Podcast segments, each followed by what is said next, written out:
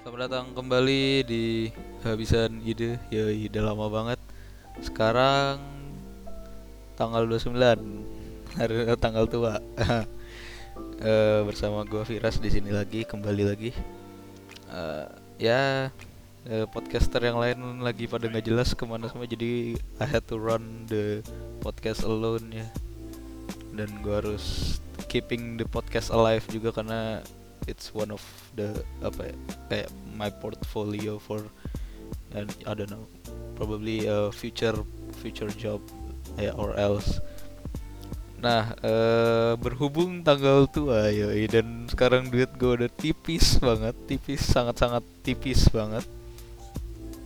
Eh, kali ini gue mau ngebahas tentang eh, kenapa kita bisa sangat eh, kesusahan dalam tanggal tua eh, dan tips overcome tanggal tua anjay. Mungkin ini agak overrated dan sering gue bahas ya di podcast di sini terutama eh, seperti kayak gue tuh seperti kayak episode 21 kemarin s- cara survive ketika menjadi anak kos yang di mana itu eh, mungkin beberapa dari kalian kayak masih ada mungkin kalau lu dengerin juga masih agak kurang ngerti juga dan some of our tips mungkin agak kurang masuk ya ke dalam beberapa orang yang mungkin di kosannya eh, apa ya kayak eh, fasilitas yang mereka punya atau beberapa orang belum punya fasilitas seperti yang kita punya gitu. Yang menurut gue sih worth it untuk diinvest ya kayak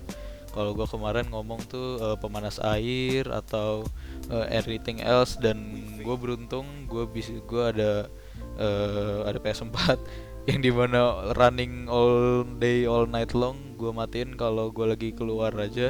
Dan itu efisien sekali untuk naruh nasi goreng atau naruh jangan, jangan nasi goreng sih gue nggak pernah nasi goreng agak terlalu ekstrim kalau itu. Ya gue naruh ya makanan dan ya heated self lah karena eh, lumayan fannya akan kerja terus gitu dan eh, running background ada gamenya juga jadi ya fannya akan bekerja keras untuk ngedinginin dan hawa panasnya akan keluar dari PS sehingga bisa manasin makanan yang gue punya. Dan kalau pemanas air sih ya you can make indomie dari situ dan eh, apa ya dan ya lain-lain sih. Cuma ya the most important thing yang bisa lu buat ya indomie sih. Itu lebih tepatnya. Dan uap dari pemanas air juga bisa. Ah, oke. Kita mau ngomong dulu. Kenapa orang bisa kesusahan di tanggal tua? Eh, jujur eh, untuk kalau bagi gue ya karena gue belum ada pendapatan ya pendapatan gue masih yang eh, di luar dari yang diberikan orang tua gue ya. Itu mungkin masih dibilang ya nggak nggak nyampe nggak nyampe eh, seperempat dari pendapatan gue eh, da- dari yang dikasih sama orang tua gue juga per bulan gitu. Walaupun orang tua gue juga kadang suka lupa gitu. Tiba-tiba lewat eh, bulan udah bulan baru gitu ya belum juga di transfer transfer gitu ya. Itu gue berdoa mulu setiap setiap hari untuk selalu diingatkan ya agar oh iya apa udah tanggal baru gitu dan lain-lain. Ya eh, pendapatan ya itu juga paling kalau misalkan untuk makan yang gue irit-irit banget mungkin dua hari habis lah kalau pendapatan yang di luar dari yang dikasih orang tua gue ya. Eh, dan eh, kita balik lagi kenapa bisa kayak orang kesusahan gitu? Mungkin kalau menurut gue ya eh, sesuai pengalaman gue gue pernah eh, di akhir bulan duit gue masih banyak gue pernah eh, di awal bulan eh di akhir bulan duit gue udah tinggal dikit banget. Sampai akhirnya gue nggak makan seminggu seminggu gitu.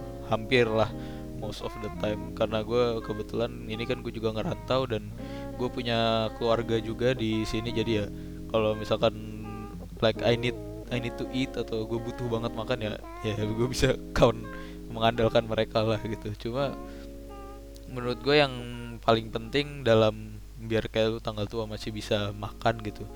Ya istilahnya masih bisa makan dikit lah. Ya menurut gue ada manajemen uang sih manajemen keuangan sih. Karena gue orangnya eh, jujur gue orangnya suka apa ya suka kayak eksperimen yang sangat berbahaya ya.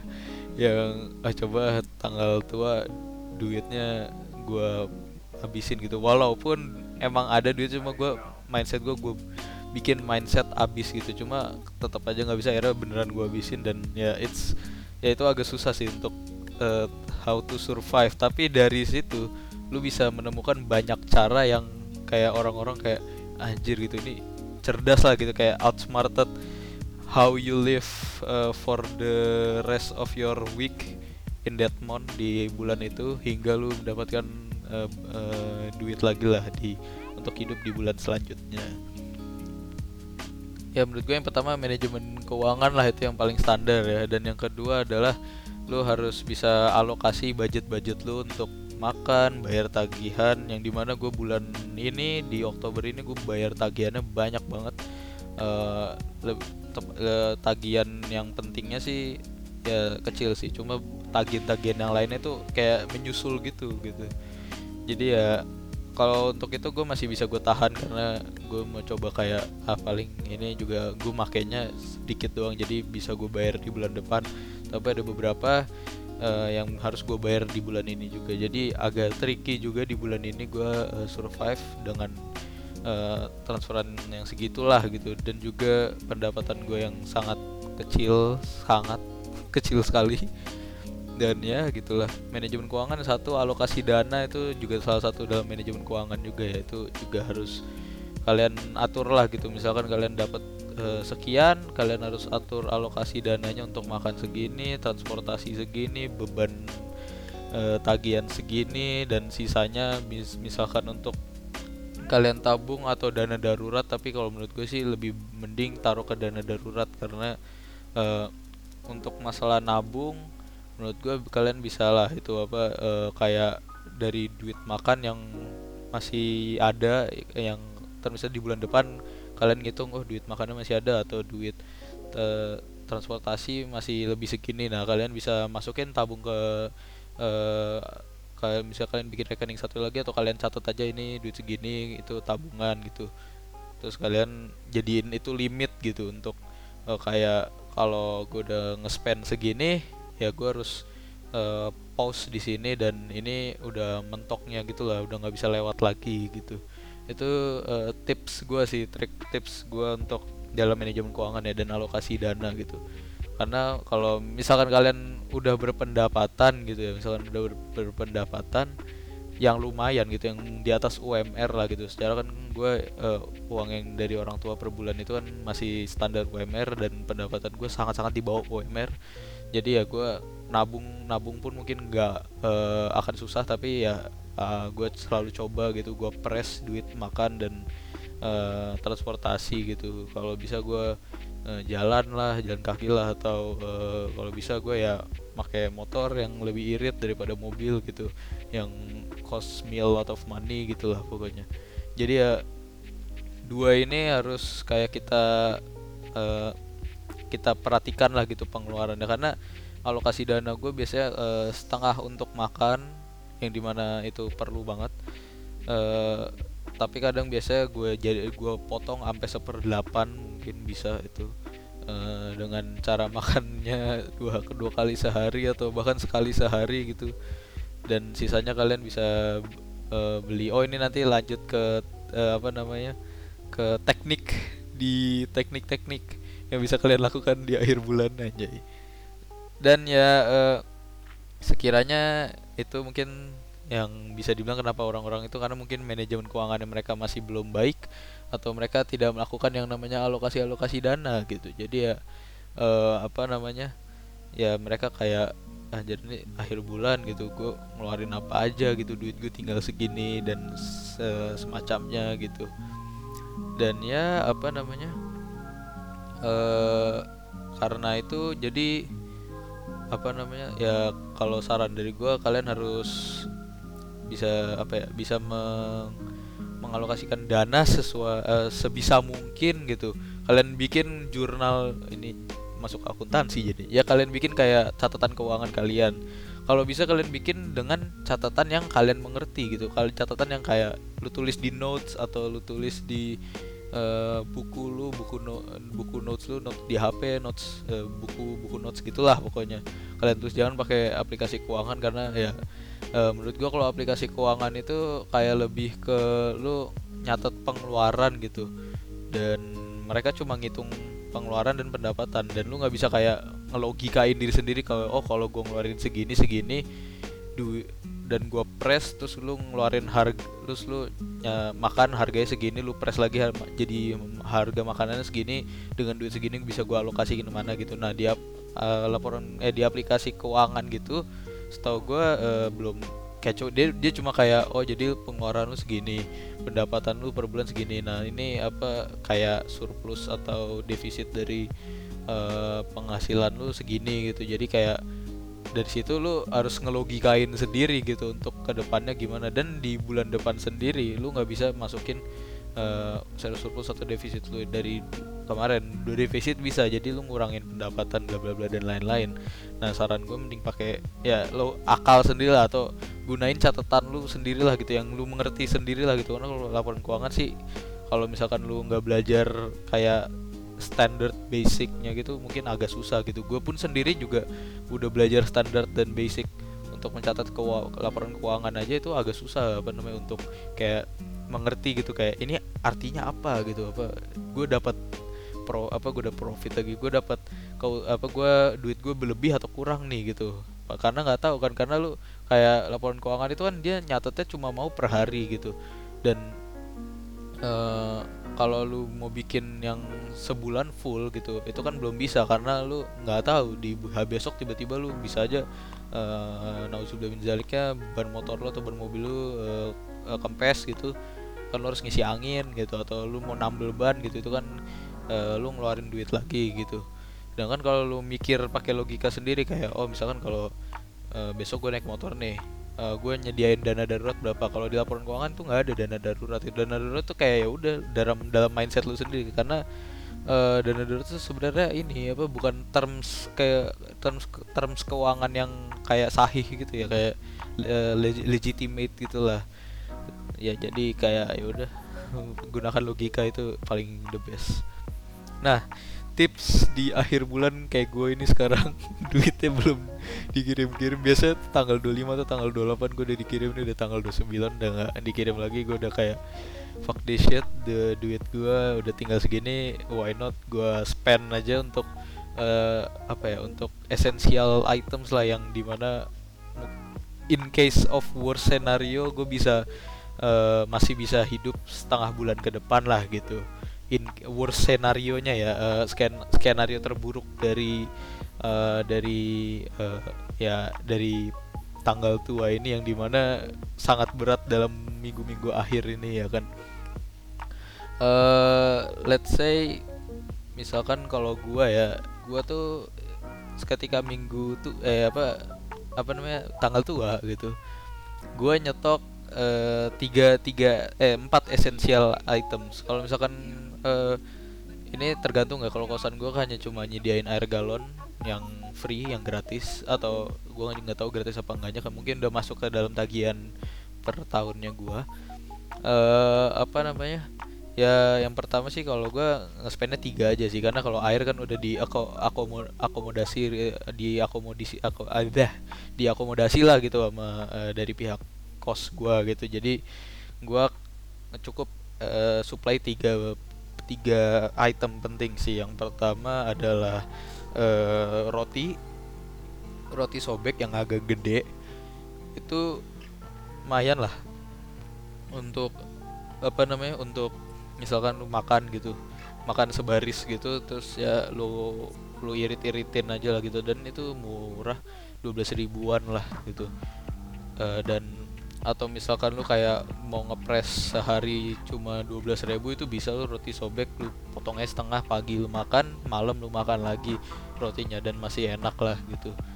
Dan pilih rasanya yang pilih rasa yang paling lu suka banget karena kalau lu nggak milih rasanya dengan tepat atau dengan bijak mungkin lu akan menyesali pembelian lu itu dan mungkin lu nggak akan habis. Tapi kalau nggak akan habis ada plusnya sendiri bisa lu simpen untuk besok. Dan besok berarti lu nggak akan ngeluarin duit lagi tapi uh, jangan melebihi dari batas uh, mungkin kalau gue ngebatasinnya empat hari lah karena mungkin dari empat hari selanjutnya roti itu udah mulai nggak prime lah gitu atau mulai nggak kayak ya nggak nggak sebagus pertama kita beli gitu Lalu yang kedua adalah uh, bahasa kerennya oatmeal aja. Kalau gue mau ngomongin energen aja. energen. Jadi energen kan uh, sebenarnya sih dia lebih uh, dalam advertisingnya dia cuma kayak apa pengganjal lapar lah apa ya gitu lah ganjel lapar lah gitu. Jadi kalian nggak sempat beli makan lah atau apa gitu. Jadi kalian ngeganjelnya pakai energen ya kan. Dengan kalau menurut gue sih energen gue dua gelas itu udah lumayan kenyang bagi gue ya jadi uh, lu beli sepak itu sekitar round about 20 isinya mungkin ada isinya setahu gue ada 20-an 20-an dan gue bisa bisa kalau misalkan gue dalam worst scenario gitu ya itu bisa terpakai 10 hari. 20 ribu untuk 10 hari berarti sehari sekitar gue 2000 lah gitu. Dan uh, yang ketiga adalah uh, teman anak kos seluruh Indonesia ya itu Indomie gitu ya. Walaupun gua nggak I do not condone uh, apa namanya makan Indomie setiap hari agak berbahaya. Cuma ya ketika lu sedang butuh makan gitu. Ya lu juga ada count Indomie lah gitu. Dan saran gua lagi adalah kalau lu mau makan Indomie jangan di warkop gitu. Karena eh, pengalaman juga gue kalau lu makan di warkop mungkin ya memang lebih enak Indomie cuma ketika lu sadar sendiri bahwa eh, kalau lu makan Indomie di warkop mungkin agak lebih mahal eh, dua kali lipat dua setengah kali lipat dibanding lu masak sendiri gitu lu beli Indomie sendiri airnya sendiri gitu nah ini makanya menurut gue adalah greatest in investment adalah lu beli pemanas air gitu Nah, misalkan lu bilang pemanas air emang bisa masak Indomie di pemanas air, bisa. Gue aja sekarang masak Indomie di pemanas air gitu. Nggak pakai kompor, air gue rebus terus Indomie gue masukin, air direbus gitu nggak. Jadi gue nunggu air kerebus dulu di pemanas air. Setelah banget apa uh, apa namanya setelah kayak uh, dalam titik didihnya banget gue tuangin lah ke tupperware gue masukin indominya terus gue tusuk-tusuk aja pakai garpu. Lama-lama dia kayak akan dissolve gitu kayak akan ya jadi lembek lembek. Terus airnya gue buang ya ya sama kayak nyeduh pop mie lah gitu ya. tapi indomie gitu. Dan satu hal lagi nih jangan jangan pernah sekali-sekali invest dalam pop mie gitu. Karena pop mie kalau indomie sepak indomie goreng ya. Misalnya indomie goreng sepak sekitar 2.300 atau 2.500 rupiah. Dengan pop mie itu ada 4 sekitar 4.500 ke atas lah gitu. Yang di mana dua kali lipat dari uh, Indomie tersebut gitu. Dan kalau misalkan gue rasa-rasa ya apa ya Indo eh pop mie itu kemasannya kayak apa isinya tuh lebih dikit dari Indomie walaupun plusnya adalah dia punya cupnya sendiri dan it's easy to uh, pokoknya ya lu tinggal buka taruh air kalau goreng dibuang airnya kalau rebus tinggal tuang tunggu lembek terus lu kasih itu dan ya udah tinggal makan itu. Cuma isinya dikit gitu dan itu menurut gue lebih ke pengganjel lapar sedangkan kalau lu Indomie mie nya agak gede uh, ba balok bukan balok siapa ya blok kotak Indominya tuh agak gede dan mie Indomie itu menurut gue sama aja kayak pop mie gitu. Lu seduh juga bisa jadi nggak perlu lu rebus gitu. Dan itu kan melembekkan minyak gitu. Dan kalau lu redu, apa kalau lu kayak seduh gitu mungkin agak ag agak memunculkan vibe warkop pinggir jalannya gitu lah anjay. Nggak jelas buat gue ya itu tiga essential item yang gue invest ya untuk uh, untuk untuk kalau lu dalam surviving akhir-akhir bulan yang sangat ngehe ini ya di kosan. Dan uh, apa ya kalau misalkan oh ini kalau misalkan lu kayak uh, in case scenario nggak punya eh nggak disediakan air tapi disediakan nasi ini bisa lebih enak lagi ini shout out to Audril ya ini memberikan ide. Jadi kalau Audril dia memang nggak ada nasi sih nggak disediain nasi mau kosan cuma dia bisa beli nasi sekitar 5000 dan lu bisa beli abon sapi mungkin abon sapi di Indomaret juga ada banyak atau kering kentang. Kalau kering kalau misalkan lu tinggal di daerah Jawa Barat atau di Jakarta gitu ya di Bogor itu bisa ada yang jual kering kentang enak banget itu. Ya dan uh, kalau paling uh, paling umumnya sih ya di Indomaret Indomaret banyak abon sapi buatan Indomaret ya gitu jadi ya lu tinggal taruh nasi ambil nasi di piring lu taruh. Atau gue sih juga invest ke tupperware ya. Tupperware yang uh, lebar tapi tupperware yang lebar agak agak lebar dan agak panjang terus agak kayak celup gitu. Jadi kayak mangkok cuma panjangnya kayak piring gitu. Jadi kayak you get two in one uh, apa ya cutlery cutlery ya pokoknya alat makan lah tempat makan lah gitu. Bisa lu jadiin makan kuah di situ bisa makan yang gak kuah gitu. Jadi ya all in lah di situ. Dan uh, gue juga invest ke yang namanya uh, spork. Nggak tahu sih gitu bener apa kagak. Jadi uh, spoon and fork gitu. Jadi kayak uh, untuk lu makan kuah gitu misalnya lu beli bakso gitu ya lu makan kuah bisa lu bisa juga ngenusuk ke baksonya gitu. Jadi kayak ya lu google sendiri lah di ya lu google aja lah spoon and fork. Itu menurut gua lu beli spoon and fork yang kalau nggak uh, dari yang plastik yang reusable atau uh, ya metal tapi jarang sih sport yang metal. Rata-rata tuh kayak silikon gitu atau plastik reusable lah gitu yang yang ramah lingkungan. Itu uh, bisa gitu. Kalian pakai terus kalian cuci kalian pakai cuci cuci and vice versa gitu lu pakai terus gitu. Dan daripada lu ngebeli dua sendok garpu yang agak mahal atau ya lu beli yang plastik lu nyari yang murah lu beli plastik dan sekali pakai gitu. Kalau gue mending gue bikin eh, gue beli kayak gitu dan itu ya bisa gue pakai selama lamanya lah gitu e, kasarnya. Lalu e, abis itu apa lagi ya? E, spend di e, aqua eh aqua air mineral tapi jangan aqua. Nah ini penting banget ini. Aqua tuh lumayan agak lumayan gede lah agak lumayan gede lah harganya sekarang. Udah agak lumayan mahal gitu. Kalian cari e, kalian cari air mineral yang agak lebih rendah harganya. E, yang termurah yang gue temuin sih ini untuk air mineral satu liter ya gitu. Karena dari satu liter itu bisa lu irit-irit lah gitu. Atau uh, saat lu beli dua botol satu lu taruh di pemanas air lu satu lagi ya lu beli untuk lu taruh di gelas minum gelas minum gitu gitulah termurah yang gue lihat sih 6.800 di di di banyak ya di kayak di supermarket supermarket lah gitu. 6 ribuan lah sekitar 6 ribuan atau 7 ribu gitu. Itu yang paling murah yang gue temuin ya. Mungkin ada lagi yang lebih murah mungkin lima ribu atau lima ribu ke bawah atau empat ribu gitu. Paling murah sih menurut gue empat ribu sih. Kalau dua ribu itu udah masuk ke bagian 600 ml lah. Kalau kalau satu liter ke atas itu pasti harganya harus harusnya sih di atas lima ribuan gitu. Dan uh, kalau misalkan kalian ini tips lagi ini tips terpenting lagi kalian uh, apa kayak kalau kalian kayak masih kuliah kayak gua gitu gua akan mencari seminar yang gratis tapi nggak ada makanannya. Nah itu penting lagi itu. Jadi uh, apa namanya uh, lu kayak ikut aja seminar gitu. Lu dapat ilmu ya dapat makan iya. Perut kenyang iya gitu. Nah jadi itu sangat penting. Cuma agak susah ya kalau menurut gue sekarang untuk nyari seminar yang gratis dan dapat makan gitu. Rata-rata seminar tuh yang dapat makan gitu ya biasanya bayar gitu. Dan uh, kalau satu lagi sih kalau menurut gue adalah uh, ini mungkin untuk orang Islam ya gitu. Karena aku juga Islam uh, puasa Senin Kamis lah gitu. Karena kalau di uh, universitas gue di masjidnya itu ada uh, buka puasa gratis untuk untuk apa ya untuk orang yang puasa Senin Kamis gitu. Jadi jadi ya kita dapat takjil dapat makan gitu. Berarti lu bisa ngurangin dari uang alokasi dana lu kepada uang makan itu dalam dua hari bisa lu hilangin gitu.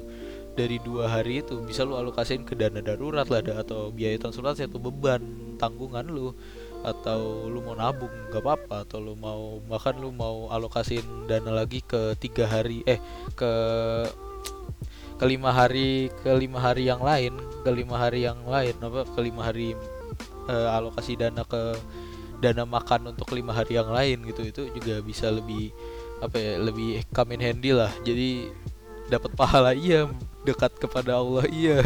Dapat makanan gratis iya. Jadi lo harus lo harus kayak membuka otak lo untuk mencari peluang yang lebih gitu lah.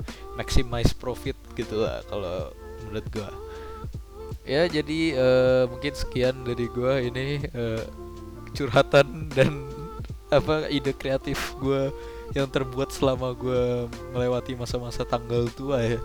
Jadi ya ya udah jangan lupa follow di Spotify semua uh, semua platform podcast ada kecuali Apple Podcast karena kita belum ada gue gue sih lebih tepatnya belum ada waktu untuk masukin juga ke apa ya, ke dalam Apple Podcast juga karena uh, untuk di review dan lain-lainnya agak ribet pengalaman gue waktu di ya, di berbincang Ria jadi ya ya gue tunggu dulu lah sampai audiens kita audiens podcast gue makin besar gitu podcast gak bisa ide ini makin besar dan butuh reach dari uh, device iPhone gitu mungkin yang kayak Spotify jarang dibuka bukannya Apple Music atau Apple Podcast itu jadi nanti ya soon lah.